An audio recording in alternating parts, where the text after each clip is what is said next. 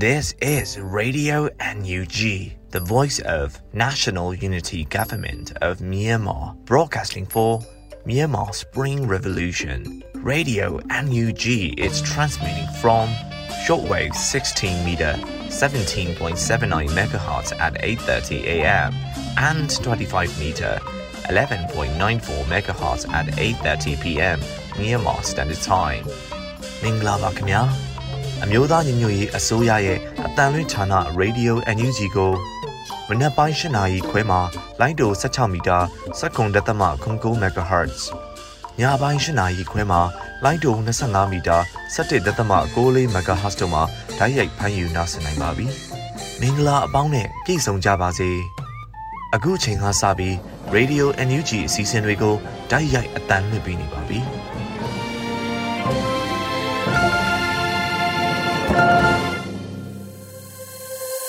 မြန်မာနိုင်ငံသူနိုင်ငံသားအပေါင်းတဘာဝပြီးဆရာနာရှင်ပေတို့ကနေကင်ဝေးပြီးကိုစိတ်နှပါပြီးပြည့်စုံကြကြပါစေလို့ရေဒီယိုအန်ယူဂျီပေါ်သားများကဆုတောင်းနေတာပို့သလာရပါတယ်ရှင်။အခုချိန်ကစပြီးကာကွယ်ရေးဝန်ကြီးဌာနရဲ့စီးရေးသတင်းချင်းချုပ်ကိုတော့ရေဦးမျိုးမှအကြားဖော်ပြပေးပါမယ်ရှင်။မင်္ဂလာပါခင်ဗျာ။အမျိုးသားညီညွတ်ရေးအစိုးရကာကွယ်ရေးဝန်ကြီးဌာနမှထုတ်ဝေသောနိုင်စဉ်စီးရေးသတင်းအကျဉ်းချုပ်များကိုတင်ပြသွားပါမယ်။ပထမဆုံးအနေနဲ့ စစ်ကောင်စီနဲ့တိုက်ပွဲဖြစ်ပွားမှုများကို တင်ပြသွားပါမယ်။ကရင်ပြည်နယ်တွင်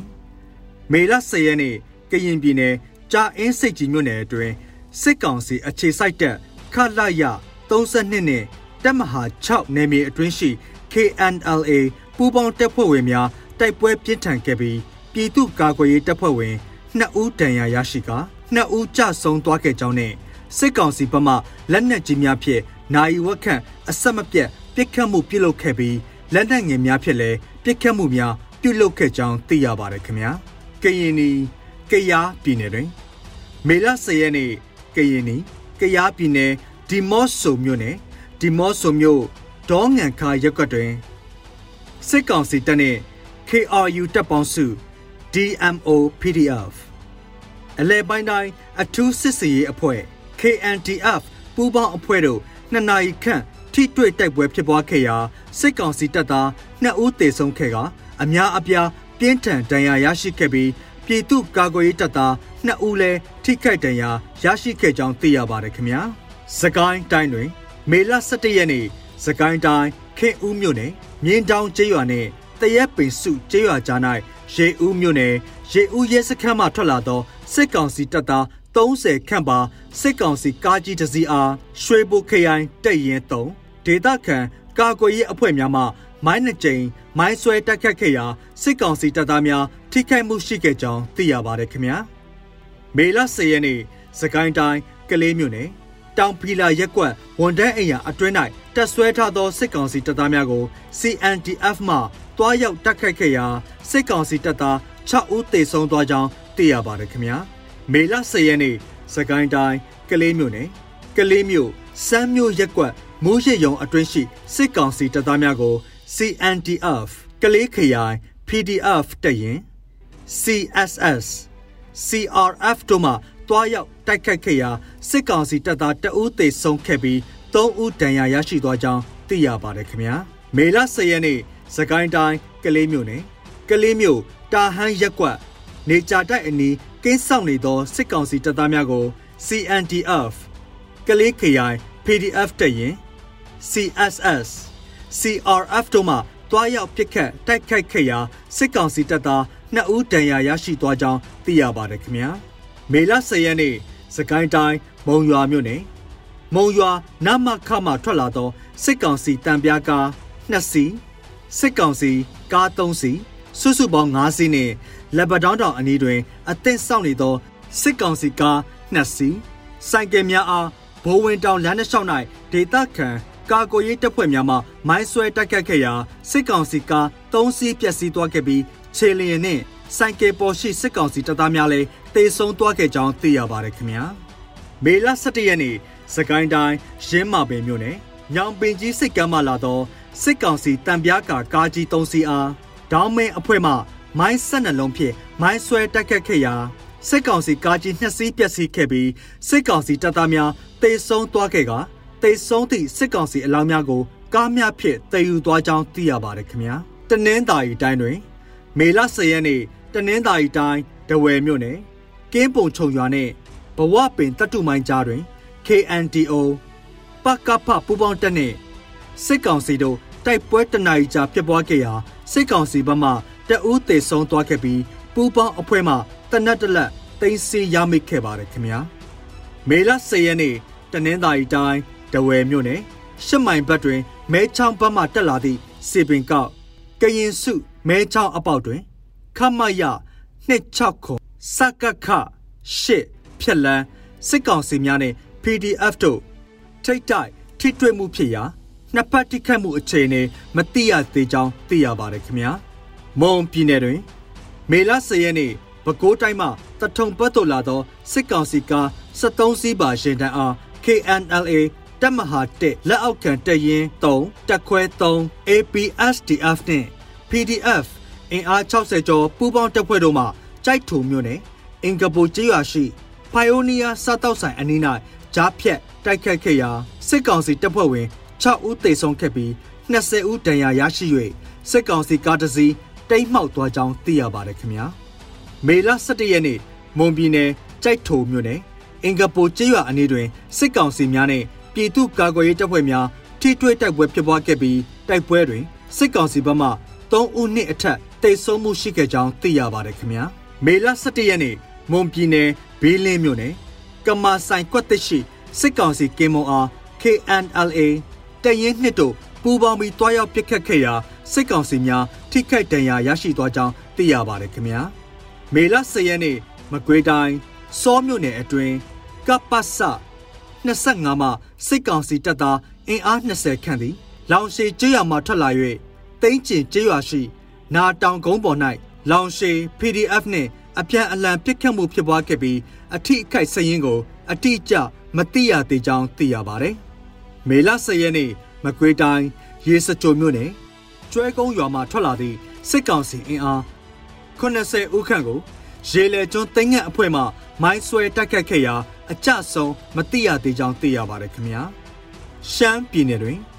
မေလ10ရက်နေ့ရှမ်းပြည်နယ်မြောက်ပိုင်းကုတ်ခိုင်မြို့တနေရာတွင်စစ်ကောင်စီတပ်နှင့်ကိုကန့် MNDAA တပ်ဖွဲ့ကြားတိုက်ပွဲဖြစ်ပွားခဲ့ပြီးစစ်ကောင်စီဘက်မှ၄ဦးသေဆုံးက9ဦးဒဏ်ရာရရှိသွားကြောင်းသိရပါတယ်။မေလ9ရက်နေ့ရှမ်းပြည်နယ်ဖဲခုံမြို့နယ်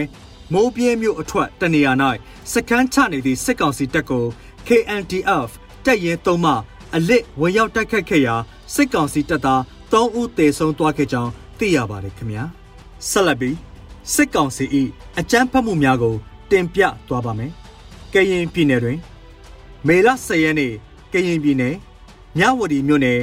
မြဝတီမြို့မှမန္တလေးမြို့သို့သွားသည့်ခရီးသည်တင်ရင်တစည်းအားစစ်ကောင်စီပူးပေါင်းအဖွဲ့မှ တန်လွင်တရားတွင်စစ်ဆေးရာမောင်မောင်မျိုး၏လက်ကင်ဖုန်းအတွင်းမှမောင်မောင်မျိုးဇက်စရာအမည်ရှိ Facebook အကောင့်၌မဲခေါင်သတင်းဌာနမှသတင်းများကို ပြန်လည်ဝေမျှထားခြင်း PDF များနဲ့ဆက်သွယ်သတင်းရေးသားခြင်းနိုင်ငံရေးသတင်းများနဲ့လေးကီကောတိုက်ပွဲသတင်းများရေးသားခြင်းတို့ကြောင့်ဟုဆို၍ဖမ်းဆီးစစ်ဆေးနေပြီးအကြမ်းဖက်ပုံမှ52ကကြီးဖြင့်အမှုဖွင့်ထားပြီးမြည်သည့်နေရာတွင် ချုံနှောင်ထားသည်ကိုလည်းမသိရသေးကြောင်းသတင်းရရှိပါတယ်ခင်ဗျာချင်းပြည်နယ်တွင် မေလ10ရက်နေ့ချင်းပြည်နယ်ဖလန်းမြို့နယ်ပါတဲကျေးရွာတွင် JCC ဖျားကျောင်းအပါအဝင် နေအိမ်ခုနှစ်လုံးအားစစ်ကောင်စီတပ်မှမီးရှို့ဖျက်ဆီးသွားခဲ့ကြောင်းသိရပါတယ်ခင်ဗျာမေလ9ရက်နေ့စကိုင်းတိုင်းထီးချိုက်မြို့နယ်မရသိန်ကျေးရွာသို့ကောလင်းမြို့နယ်ဘက်မှစစ်ကောင်စီတပ်သား90ခန့်သည်မင်းတတောင်ရိုးမှ ဖျက်ကျော်လာကကျေးရွာအတွင်းရှိနေအိမ်အချို့ကိုမီးရှို့ဖျက်ဆီးသွားခဲ့ပြီးပြည်သူ2ဦးအားဖမ်းဆီးသွားကြောင်းသိရပါတယ်ခင်ဗျာမေလ10ရက်နေ့စကိုင်းတိုင်းဘုတလင်မြို့နယ်ကုန်းတာကျေးရွာရှိစစ်ကောင်စီတပ်သားများသည်ကန်တာကျေးရွာသို့ရောက်ရှိနေပြီးနေအိမ်၃လုံးဆိုင်ကယ်၁၂စီးနွားတဲ၃လုံးအားမီးရှို့ဖျက်ဆီးသွားခဲ့ပြီးဈေးဆိုင်များမှစားတောက်ကုန်ပစ္စည်းများကိုပါယူဆောင်သွားခဲ့ကာအောင်ချမ်းသာကျေးရွာတွင် တက်ဆွဲထားကြောင်းသိရပါတယ်ခင်ဗျာတနင်္သာရီတိုင်းတွင် မေလ10ရက်နေ့တနင်္သာရီတိုင်းတဝယ်မြို့နယ်ကြောင်မဲတောင်ရှိတဲအင်းကူစောက်လက်ဆဖုံးကြီးကျောင်းထဲသို့စစ်ကောင်စီတပ်မှပစ်လိုက်သောလက်နက်ကြီးကျခဲ့သောကြောင့်ဖုံးကြီးတစ်ပါးနှင့်ပယံလှုပ်သား2ဦးထိခိုက်ဒဏ်ရာရရှိသွားခဲ့ပြီးပယံသမား2ဦးမှာတေဆုံးသွားကြောင်းသိရပါတယ်ခင်ဗျာမွန်ပြည်နယ်တွင် မေလ17ရက်နေ့မွန်ပြည်နယ် တထုံမြို့နယ်ခမရကိုမလက်နက်ကြီးကြောင့်ထုံးပိုလင်းနှင့်ရာဘာချန်လင်မယာနှစ်ဦးသေဆုံး၍တဦးတန်ရာရရှိသွားကြောင်းသိရပါတယ်။မေလ17ရက်နေ့မွန်ပြည်နယ်ကြိုက်ထိုမြို့နယ်အင်ကပိုကျေးရွာတွင် အင်ကပိုထွန်ဆက်ကုံအထိစစ်ကောင်စီတပ်သားများမှလူသားတိုင်းအဖြစ်ပြည်သူ20ခန့်အားသုံးပြီးထိုးတက်လာကြောင်းပြည်သူအချို့ဒဏ်ရာများလည်းရရှိထားကြောင်းသိရပါတယ်ခင်ဗျာ။မကွေးတိုင်းတွင် မေလ10ရက်နေ့ မကွေးတိုင်းရေစကြိုမြို့နယ်ရေလေကျွန်းဒေသဖြစ်သည့်ဖြုံဖူးမိဖယာမဲကုံဘိုကုံကျွဲကုန်းရောက်စသည့်ကျေးရွာများ၌စစ်ကောင်စီမှမီးရှို့၍နှစ်နာရီချိန်ဖုံးတော်ပြေရွာ၌စစ်ကောင်စီအင်အားတရာခန့်ရောက်ရှိနေကြောင်းသိရပါတယ်ခင်ဗျာမေလ9ရက်နေ့မကွေးတိုင်းပေါက်မြို့နယ်ပေါက်မြို့အောင်ချမ်းသာရက်ကွက်ရှိဇရက်အနီး၌စစ်ကောင်စီအဖွဲ့များမှစစ်ဆေးနေစဉ်ပေါက်မြို့နယ် မြင်းနီမကျေးရွာနေထိုင်သူများဖြစ်သည့်ပြည်သူ2ဦးအား PDF ဖို့ဆွဆွဲ၍မတရားဖမ်းဆီးသွားကြောင်းသိရပါတယ်ခင်ဗျာမန္တလေးတိုင်းတွင် မေလ17ရက်နေ့မန္တလေးတိုင်းကြောက်စဲမြို့နယ်မှိုင်းပန်ကျေးရွာအတွင်းသို့စစ်ကောင်စီလက်အောက်ခံရဲကားဆယ်စီစစ်ကောင်စီကား9စီးတို့ဖြင့်အဝင်အထွက်လမ်းများပိတ်ဆို့ကာရှာဖွေမှုများပြုလုပ်ခဲ့ပြီးအမျိုးသား၄ဦးနှင့်အမျိုးသမီး2ဦးတို့အားဖမ်းဆီးထားကြောင်းသိရပါတယ်ခင်ဗျာ မေလ17ရက်နေ့မန္တလေးတိုင်းပြည်ကြီးတကုံမြို့နယ်ရဲဘော်ကွက်တဲ့ရက်ကွက်တွင်စစ်ကောင်စီလက်အောက်ခံရဲများနှင့်စစ်ကောင်စီတပ်သားများပူးပေါင်း၍တာဝါတိုင်နှင့်မလွတ်ဟုဆိုကာလူနေအိမ်များအားလိုက်လံဖျက်ဆီးခဲ့ပြီးလမ်းဖောက်မြည်ဟုသာပြောထားခြင်းရှိတော်လဲအိမ်များဖျက်မိကိုကြုံမသိရကြောင်းသိရပါတယ်ခင်ဗျာရှမ်းပြည်နယ်တွင် မေလ10ရက်နေ့ရှမ်းပြည်နယ်ပင်လောင်းမြို့နယ်ပအုပ်ကိုပိုင်အုတ်ချုပ်ခွင့်ရဒေသ ဗန်းပါကျေးရွာအုပ်စုတဒန်ကူးကျေးရွာနယ်နိမိတ်အတွင်းရှိဟာရေတကုံတွင်တဒန်ကူးကျေးရွာများအားကယန်းခရိယံမှတီထားကိုးကွယ်ထားသောကယန်းလူမျိုးများ၏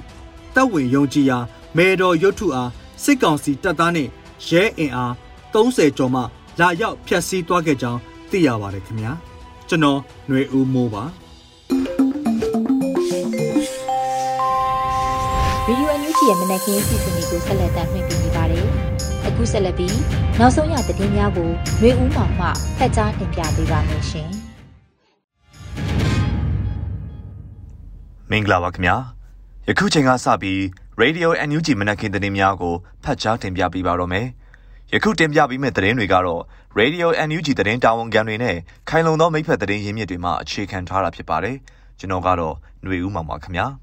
။ပထမဆုံးသတင်းအနေနဲ့ စစ်အုပ်စုဟာလူသားချင်းစာနာစိတ်မရှိတဲ့အတွက်လူသားချင်းစာနာမှုအကူအညီများပေးရာတွင်ဟန်တာနှောက်ယှက်ကြောင်းပြည်ထောင်စုဝန်ကြီးဒေါက်တာဝင်းမြတ်အေးကပြောကြားခဲ့တဲ့သတင်းကိုတင်ဆက်ပေးပါမယ်။စစ်အုပ်စုဟာလူသားချင်းစာနာစိတ်မရှိတဲ့အတွက်လူသားချင်းစာနာမှုအကူအညီများပေးရာတွင်ဟန်တာနှောက်ယှက်ကြောင်းပြည်ထောင်စုဝန်ကြီးဒေါက်တာဝင်းမြတ်အေးကပြောကြားလိုက်ပါတယ်။မေလအတွင်းတရုတ်ဆောင်တောင်းနဲ့တွေ့ဆုံမေးမြန်းရာတွင် လူသားချင်းစာနာထောက်ထားရေးနဲ့ဘေးအန္တရာယ်ဆိုင်ရာစီမံခန့်ခွဲရေးဝန်ကြီးဌာနပြည်ထောင်စုဝန်ကြီးဒေါက်တာဝင်းမြတ်အေးကပြောကြားခဲ့ပါတယ်။သူတို့ကလူသားချင်းစာနာစိတ်မရှိကြဘူး။ပြည်သူတွေကိုကိုယ့်ရဲ့ကိုချင်းစာစိတ်မရှိကြဘူး။အဲ့ဒီလိုမရှိတဲ့အတွက်ကြောင့်လူသားချင်းစာနာထောက်ထားတဲ့အကူအညီတွေကိုဟန့်တားတယ်၊နှောက်ယှက်တယ်၊ဖျက်ဆီးတယ်။ဒါကအကြီးမားဆုံးအခက်အခဲပဲ။အဲ့ဒါကိုကျွန်တော်တို့ကြော်လွှားရတယ်လို့ဝန်ကြီးကဆိုပါတယ်။ လူသားချင်းစာနာထောက်ထားရေးနဲ့ဘေးအန္တရာယ်ဆိုင်ရာစီမံခန့်ခွဲရေးဝန်ကြီးဌာနအနေဖြင့်2021ခုနှစ်ဧပြီလ16ရက်နေ့မှ2022ခုနှစ်ဧပြီလ10ရက်နေ့အထိလူသားချင်းစာနာထောက်ထားမှုအကူအညီအတွက်2.83ဘီလီယံကျပ်သုံးစွဲခဲ့ပါတယ်ခင်ဗျာဆက်လက်ပြီး Federal ပြည်ထောင်စုရေးရာဝန်ကြီးဌာနမှ2022ခုနှစ်မေလ10ရက်နေ့တွင်ထုတ်ဝေခဲ့သော Federal စာဆောင်အမှတ်6နှင့်ပတ်သက်၍ရှင်းလင်းချက်ကိုထုတ်ပြန်ခဲ့ပါတယ်။ Federal ပြည်ထောင်စုရေးရာဝန်ကြီးဌာနမှ2022ခုနှစ်မေလ10ရက်နေ့တွင်ထုတ်ဝေခဲ့သော Federal စာဆောင်အမှတ်6နှင့်ပတ်သက်၍စာဖတ်သူများ၏တုံ့ပြန်ချက်များစွာကိုရရှိထားပြီးစိတ်ဝင်စားမှုအပေါ်အထူးကျေးဇူးတင်ကြောင်းရေးသားဖော်ပြထားပါသည်။ Federal စာဆောင်သည် Federal ပြည်ထောင်စုရေးရာဝန်ကြီးဌာနမှထုတ်ဝေခြင်းဖြစ်တော်လဲအမျိုးသားညီညွတ်ရေးအစိုးရ၏ policy စာတမ်းမဟုတ်ပါ Federal ပညာပေးစာဆောင်သားလင်းဖြစ်ပါသည် အဲ့ဒီအချက်ကို Federal စာဆောင်၏ရှေ့စာမျက်နှာတွင်ရှင်းရှင်းလင်းလင်းဖော်ပြထားကြောင်းနဲ့ Federal စာဆောင်အမှတ်6တွင်ဖော်ပြထားသောအကြောင်းအရာနှစ်ခုအပေါ်စာဖတ်သူများတုံ့ပြန်ချက်တွင်မရှင်းမလင်းဖြစ်သည့်အချက်ကိုလည်းပြန်လည်ရှင်းလင်းတင်ပြထားပါသည်။ရင်းနှစ်ချက်မှာကကြီးပြည်ထောင်စုအဖွဲ့ဝင်ပြည်내 ဖက်ဒရယ်ယူနစ်များ၏အမည်နာမနှင့်ပတ်သက်၍စာဆောင်၏အာပေါ်မှာ1940ခုဖွဲ့စည်းပုံအခြေခံဥပဒေ1984ဖွဲ့စည်းပုံအခြေခံဥပဒေနှင့် 2008ဖွဲ့စည်းပုံအခြေခံဥပဒေများတွင်ပြဋ္ဌာန်းခဲ့သည့်အတိုင်းပြည်내နှင့်တိုင်းဟု၍၎င်းတိုင်းဒေသကြီးနှင့်ပြည်내ဟု၍၎င်းခွဲခြားခြင်းကိုဆက်လက်မချစ်သုံးတော့ဘဲအမည်နာမတူများဖြစ်သာခေါ်ဆိုသင့်ကြောင်းဖော်ပြခြင်းဖြစ်ပါသည်။ပြည်ထောင်စုဟုခေါ်သောအခေါ်အဝေါ်နှင့်ဆက်ဆက်မှုရှိစေရန်ပြည်ထောင်များဟု၍ခေါ်ပေါ်ခြင်းကတင့်တော်မူလားဟုတင်းပြခြင်းဖြစ်ပါသည်ခခွေ Federal ပြည်ထောင်စုအဖွဲ့ဝင်ပြည်내ဖက်ဒရယ်ယူနစ်အရေးအတွက်နှင့်ပတ်သက်၍အသွင်ကူးပြောင်းရေးကာလတွင်မဆုံးဖြတ်သေးဘဲအမြဲတမ်းကျင့်သုံးမည့်အဖွဲ့အစည်းပုံအခြေခံဥပဒေသစ်ကိုတိုင်းပြူပြည်ပြူညီလာခံတွင်ရေးဆွဲပြဋ္ဌာန်းသည့်အခါမှသာဆုံးဖြတ်တင်ကြောင်းမှတ်ချက်ဖြင့်ရှင်းရှင်းလင်းလင်းဖော်ပြထားပါသည်။အနာဂတ် Federal ပြည်ထောင်စု၏ပြည်ထောင်စုအဖွဲ့ဝင်ပြည်နယ် Federal Unit အရေးအတွက်သည်14ခုဖြစ်ရမည်ဟုဆုံးဖြတ်ထားခြင်းမဟုတ်ပါကြောင်းပြည်သူလူထုကတိုင်းပြည်ပြည်ပြည်ညီလာခံတွင် ဆွေးနွေးဆုံးဖြတ်ရမည့်ကိစ္စသာလျှင်ဖြစ်ပါကြောင်းပြန်လည်ရှင်းလင်းတင်ပြထားပါသည်ဆက်လက်ပြီးစိတ်တက္ကသိုလ်ရဲ့အတန်းအချုပ်ကိုနှစ်ပတ်အတွင်းပြန်လည်ဖွင့်လှစ်မယ့်အကြောင်းတင်ဆက်ပေးပါမယ်စေတက်ကတော်၏အတန်းအချုပ်ကိုနှစ်ပတ်အတွင်းဖွင့်လှစ်မယ်လို့ပြည်ထောင်စုဝန်ကြီးဒေါက်တာဇော်ဝေဆိုးကပြောကြားလိုက်ပါတယ်မေလအတွင်းတီးသန့်မေးမြန်းခြင်းအစည်းအဝေးတွင်အမျိုးသားညီညွတ်ရေးအစိုးရပညာရေးနဲ့ကျန်းမာရေးပြည်ထောင်စုဝန်ကြီးဒေါက်တာဇော်ဝေဆိုးကဆိုပါတယ်။ အခုလည်းပဲတောင်းဆိုချက်များအရစေတက္ကသိုလ်ရဲ့ဂျားကာလကိုတက္ကသိုလ်ကောင်စီနဲ့တိုင်ပင်ပြီးတော့ Foundation Year ပေါ်သူ့ကိုလာမယ့်နှစ်ပတ်သုံးပတ်အတွင်းဖွင့်ဖို့စီစဉ်နေတယ်။အခုဒါနဲ့ပတ်သက်ပြီးတင် जा ရေးတွေအကုန်လုံးလဲအစင်သစ်ဖြစ်နေပြီ။တက္ကသိုလ်အသီးသီးမှာရှိတဲ့ online platform ကနေပြီးတော့သင်ကြားဖို့အတွက်သင်ကြားမဲ့ဆရာဆရာမတွေနဲ့သင်ရိုးညွှန်းနှံတွေအားလုံးကိုအစင်သစ်ဖြစ်အောင်လုပ်ပြီးတော့ဒါကိုဖွင့်လှစ်ဖို့အတွက်တက္ကသိုလ်ကောင်စီတွေနဲ့ဆွေးနွေးခဲ့တာလဲ ပြီးသွားပြီဆိုတော့မကြာခင်မှာ foundation year ဟာစတင်တင် जा ဖို့လုပ်မယ်လို့ဝန်ကြီးကဆိုပါတယ်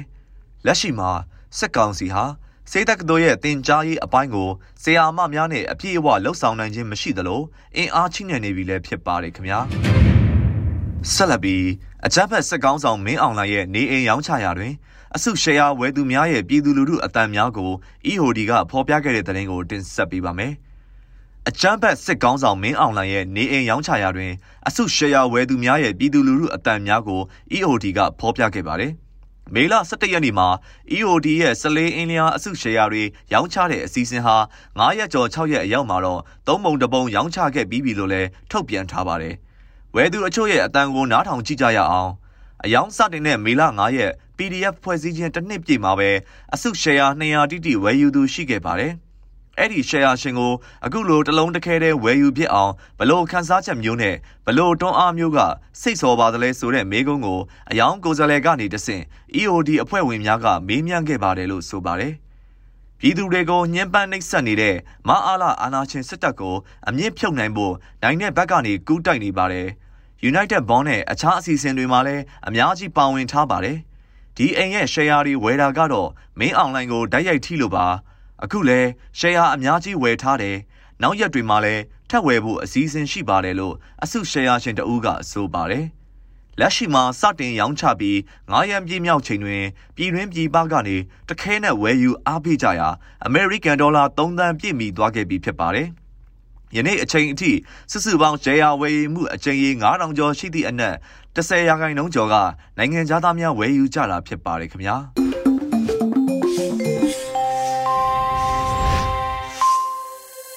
အခုဆက်လက်ပြီးတော်လန်ရေးတီဂီတာအစီအစဉ်မှာတော့တေးရီကိုပေါက်တေးဆိုမင်းမော်ခွန်ရဲ့လှမ်းခဲ့တော့တငယ်ချင်းဆိုတဲ့တော်လန်ရေးတီဂီတာကိုနားဆင်ကြရတော့မှာဖြစ်ပါရဲ့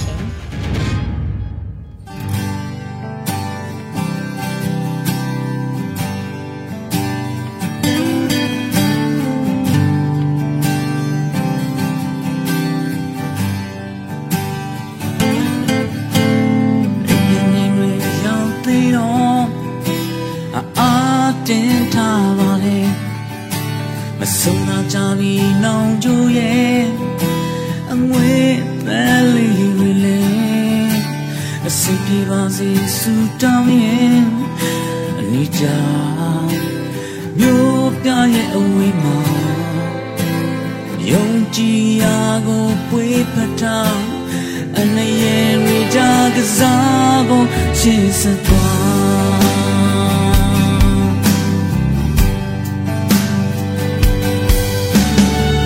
းဒီဆိုနဲ့ချစ်တကြိုတေးပွဲချင်းတွေဆိုမမလွန်ရဲ့ကင်း ဆိုရဲ့အသက်တကြိုရင်ဒီလိုအစမပြေတာတွေမတ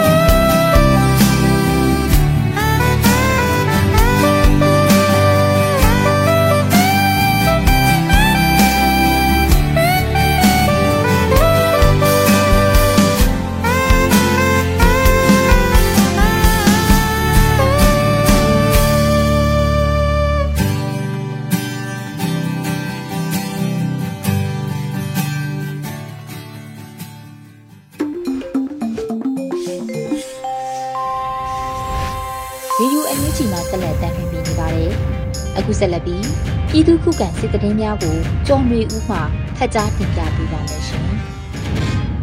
ပထမဦးစွာကုတ်ခိုင်မှာအကြမ်းဖက်စစ်တပ်နဲ့ MNDAA ကြားတိုက်ပွဲဖြစ်ပြီးစစ်ကောင်စီဘက်မှ၄ဦးသေဆုံး9ဦးဒဏ်ရာရတဲ့တဲ့တင်တင်ဆက်မှာပါ အကြမ်းဖက်စစ်ကောင်စီတပ်နဲ့ကိုကန့် MNDAA တပ်ဖွဲ့ကြားရှမ်းပြည်နယ်မြောက်ပိုင်းကုတ်ခိုင်မြို့တနေရာမှာမေလ10ရက်နေ့၌တိုက်ပွဲဖြစ်ပွားခဲ့ပြီးစစ်ကောင်စီဘက်မှ၄ဦးသေဆုံးက9ဦးဒဏ်ရာရကြောင်းကိုကန့်သတင်းရင်းမြစ်တကိုကန့်ကသတင်းထုတ်ပြန်ပါတယ်အကြမ်းဖက်စစ်ကောင်စီတပ်ဟာကုတ်ခိုင်မြို့နယ်အတွင်းရှိ MNDAA တပ်ထိန်းချုပ်နယ်မြေတစ်ခုသို့စစ်ကြောင်းထိုးလာခြင်းဖြစ်ပြီးကိုးကန်တပ်ဖွဲ့ဝင်များကတောင်ကျောပေါ်မှစီးကြိုပစ်ခတ်ခဲ့တာပါ တိုက်ပွဲဟာမေလ10ရက်မွန်းလွဲ3နာရီခွဲမှ4နာရီ25မိနစ်အထိတနာရီခန့်ကြာမြင့်ခဲ့ပြီးကိုးကန်တပ်ဖွဲ့များထိခိုက်ဒဏ်ရာရမှုမရှိကြောင်းသကိုးကန်တွင်ရေးသားဖော်ပြထားပါတယ်ဆက်လက်ပြီးကဏီမြို့နယ်အလဲကျွန်းကျေးရွာရှိစစ်ကောင်စီစခန်းကိုဒေသကာကွယ်မဟာမိတ်တပ်ဖွဲ့များတိုက်ခိုက်သိမ်းပိုက်စစ်ကောင်စီကတိုက်ခိုက်ရေးရဟတ်ရင်ဖြင့်ပစ်ကူတဲ့သတင်းတင်ဆက်မှာပါ စကိုင်းတိုင်းကဏီမြို့နယ်အလဲကျွန်းကျေးရွာရှိအကျန်းဖက်စစ်ကောင်စီတပ်ဖွဲ့ဝင်များနဲ့လက်ပါစီပြူစောတိပူးပေါင်းအင်အား90ခန့်ရှိတဲ့စခန်းကိုဒေသကာကွယ်မဟာမိတ်တပ်ဖွဲ့များကယမနေ့မေလ10ရက်နေ့နက်မှာတိုက်ခိုက်သိမ်းပိုက်လိုက်ကြောင်းကဏီ PDF KLG ကသတင်းထုတ်ပြန်ပါတယ်ယမနေ့နနက်9နာရီခန့်မှာ KLG PDF MPDF DRPA KPDF 1 KGF MNK The Boy KCRF ချင်းတွင်း Dragon နှလုံးလှလူမိုက်ကြီးများမြင်းကြံရင်းမပင် Local PDF ချင်းတွင်းဂလုံရာစာပျောက်ကြားတက် Alpha Special Force 222 MTOF Yoma Fighter PDF ပြက်တာညီနောင် PDF Dragon Brothers Task Force DBTF Spring Guerrilla Platoon ຫນွေဦးပျောက်ကြားတပ်စု ကဏီမြို့နယ်ပကဖနဲ့ဒေသခံမဟာမိတ်အဖွဲ့များကပူးပေါင်းပြီးစခန်းတွင်းရှိဘန်ကာများနဲ့အလဲကျွန်းအတွင်းရှိစခန်းများကိုတိုက်ခိုက်သိမ်းပိုက်နိုင်ခဲ့တယ်လို့ဆိုပါတယ်။ရင်းနောက်အကြမ်းဖက်စစ်ကောင်စီတပ်ကတိုက်ခိုက်ရေးရဟတ်ရင်ဖြင့်ပစ်ခတ်တိုက်ခိုက်ခဲ့ကြောင်းနဲ့ကဏီမြို့ရွှေစည်းကုံဖျားကုန်းပေါ်တပ်ဆွဲထားတဲ့စစ်ကောင်စီတပ်ကလက်နက်ကြီးများဖြင့်ပစ်ခတ်ခဲ့ကြောင်းသိရှိရပါတယ်။ တိုက်ပွဲအတွင်း DRPA အဖွဲ့မှရဲဘော်တအူဒဏ်ရာရရှိခဲ့သည်ဟုဆိုထားပြီးအကြမ်းဖက်စစ်သားနဲ့ပြူစောတိတေဆုံးမှုစင်းကိုတော့ထုတ်ပြန်ထားခြင်းမရှိသေးပါဘူးရင်းမပင်မျိုးတို့ဥတီလာတဲ့စစ်ရင်တန်းကိုကြားဖြတ်မိုင်းဆွဲတိုက်ခိုက်မိုင်းမိထားတဲ့စစ်ရင်တန်းယခုနနက်ပိုင်းအထိရပ်တန့်ထားရတဲ့တဲ့ဆက်လက်တင်ဆက်မှာပါ။စကိုင်းတိုင်းဒေသကြီးရင်းမပင်မျိုးနယ်တို့ဥတီလာတဲ့စစ်တပ်ရင်တန်းကိုမေလ10ရက်နေ့ည7:00နာရီကျော်ချိန် မြောက်ရမားပြည်သူ့ကာကွယ်ရေးတပ်ဖွဲ့နဲ့ဒေါင်းသွင်းနီတပ်ခွဲ1အဖွဲ့တို့ကရင်းမပင်မြို့နယ်ကောင်းစင်ကျေးရွာအရှိတ်ငါးကန်အနီးတွင်ကြားဖြတ်မိုင်းဆွဲတိုက်ခိုက်ခဲ့ကြကြောင်းသိရပါဗျ။စစ်ကောင်စီရင်နှန်းဟာစပယ်တောင်ကျေးစင်တောင်ဤတောင်ဘက်တွင်တည်ရှိတဲ့စလင်းကြီးမြို့နယ်ဝါဒန်းကျေးရွာမှစတင်ကာဆက်တနက်မော်တာများလက်နက်ငယ်များဖြင့်ကားလမ်းတစ်လျှောက်တွင်ဒရဇက်ပစ်ခတ်ခဲ့ကြောင်းသိရပါဗျ။မိုင်းဆွဲတိုက်ခိုက်ခံခဲ့ရတဲ့စစ်ကောင်စီရင်နှန်းဟာအခင်းပစ်ပွားရာအနီးမှာပဲဆက်လက်တည်ရှိနေပြီး၎ င်းတို့ဘက်မှထိခိုက်ဒေဆုံးမှုရှိနိုင်ကြောင်းယမနေ့ညစစ်ကောင်စီရင်နှန်းကိုကြားဖြတ်မိုင်းဆွဲတိုက်ခိုက်ခဲ့ပြီးနောက်နိုင်ဝက်ခန့်ကြာမြင့်အောင်အပြန်အလှန်ပစ်ခတ်မှုဖြစ်ပွားခဲ့ကြတော့လဲဒေသခံကာကွယ်ရေးအဖွဲ့ဘက်ကထိခိုက်မှုတစုံတရာမရှိခဲ့ကြောင်းသိရပါဗျ။အလားတူမေလ9ရက်နေ့ကရင်းမပင်မြို့မှထွက်လာတဲ့အင်အားတရာကျော်ပါရှိတဲ့စစ်ကြောင်းတစ်ခုကိုဒေသခံကာကွယ်ရေးတပ်ဖွဲ့တချို့ကစုပေါင်းကခြုံကိုကြားပြတ်တိုက်ခိုက်ခဲ့ကြတယ်လို့သိရပါဗျ။နောက်ဆုံးအနေနဲ့ချင်းတွင်းမြေရိုးမှာစစ်တပ်အတွက်73စီတင်ဆောင်လာတဲ့အမြန်ရေရင်၄စီးကိုကာကွယ်တပ်ဖွဲ့ဖမ်းဆီးတဲ့တဲ့တင်ဆက်လက်တင်ဆက်ပါမယ်။စကိုင်းတိုင်းချင်းတွင်းမြေရိုးတစ်လျှောက်မှာဒေသခံကာကွယ်တပ်ဖွဲ့များနယ်မြေရှင်းလင်းရေးဆောင်ရွက်နေစဉ်မုံရွာမြို့မှာဟုံမလင်းမြို့သို့ထွက်ခွာလာတဲ့ကုန်တင်အမြန်ရေရင်၄စင်းပေါ်မှာအကြမ်းဖက်စစ်တပ်73စီတင်ဆောင်လာတာကြောင့်ဒေသခံကာကွယ်တပ်ဖွဲ့များကမေလ10ရက်နေ့တွင်ဖမ်းဆီးခဲ့ကြောင်းသိရပါဗျ။စစ်တပ်အတွက်73စီများကိုတင်ဆောင်လာတဲ့ကုန်တင်အမြန်ရင်၄စီးမှတာဝန်ရှိသူများကို စစ်တပ်နှင့်မပတ်သက်ရန်နှင့်နောက်နောင်တွင်ထိုကဲ့သို့ပစ္စည်းများတင်ဆောင်ခြင်းမပြုလုပ်ရန်ခံဝင်ကတိထိုးခိုင်းပြီးပြန်လွှတ်ပေးခဲ့ကြောင်းသိရပါတယ်ခင်ဗျာ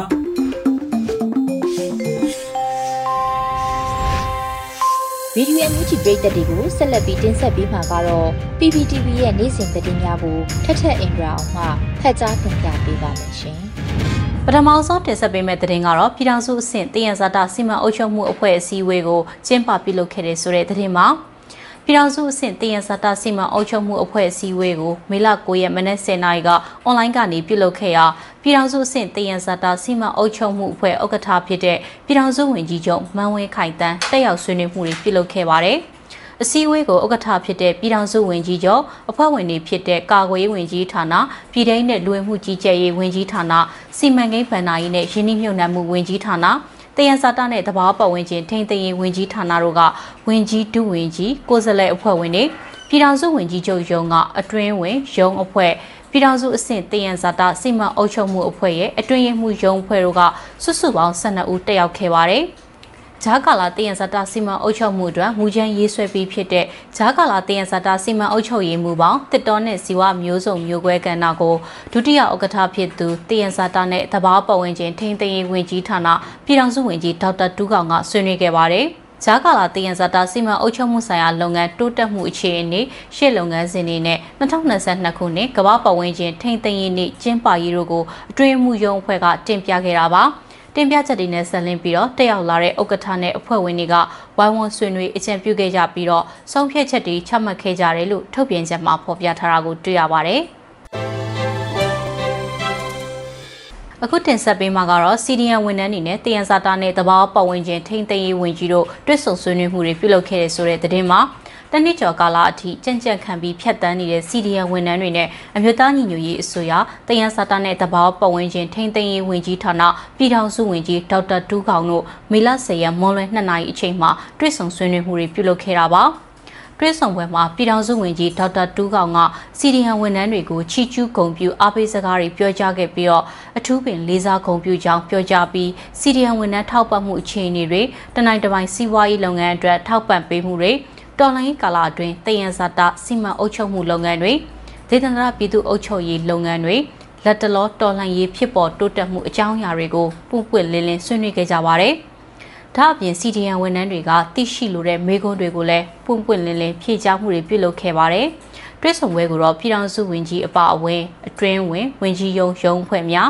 စီနီယံဝန်ထမ်းများစုစုပေါင်း68ဦးတက်ရောက်ခဲ့ကြတယ်လို့ထုတ်ပြန်ချက်မှာဖော်ပြထားတာကိုတွေ့ရပါတယ်။ဒီကနေ့ကတော့ ဒီညနေပဲ Radio NUG ရဲ့အစည်းအဝေးကိုခਿੱတရနာလိုက်ပါမယ်။မြန်မာစံတော်ချိန်မနက်၈နာရီခွဲနဲ့ည၈နာရီခွဲအချိန်တွေမှာပြန်လည်ဆုံးဖြတ်ကြပါစို့ Radio NUG ကိုမနက်ပိုင်း၈နာရီခွဲမှာလိုင်းဒို16မီတာစက္ကန့်တသမ9 MHz ညပိုင်း၈နာရီခွဲမှာလိုင်းဒို25မီတာ17သမ6 MHz တို့မှာဓာတ်ရိုက်ဖမ်းယူနားဆင်နိုင်ပါပြီမြန်မာနိုင်ငံသူနိုင်ငံသားများကိုစိတ်နှပြချမ်းမာချမ်းသာလို့ဘေးကင်းလုံခြုံကြပါစေလို့ Radio NUG အဖွဲ့သူအဖွဲ့သားများကဆုတောင်းလိုက်ရပါတယ်။အမျိုးသားညီညွတ်ရေးအစိုးရရဲ့စက်သွေးရေးတရင်အချက်အလက်နဲ့ဤပညာဝန်ကြီးဌာနကထုတ်လွှင့်နေတဲ့ Radio NUG ဖြစ်ပါတယ်။ San Francisco Bay Area အခြေစိုက်မြန်မာမိသားစုများနဲ့နိုင်ငံတကာကစေတနာရှင်များလှုပ်အားပေးများရဲ့ Radio NUG ဖြစ်ပါတယ်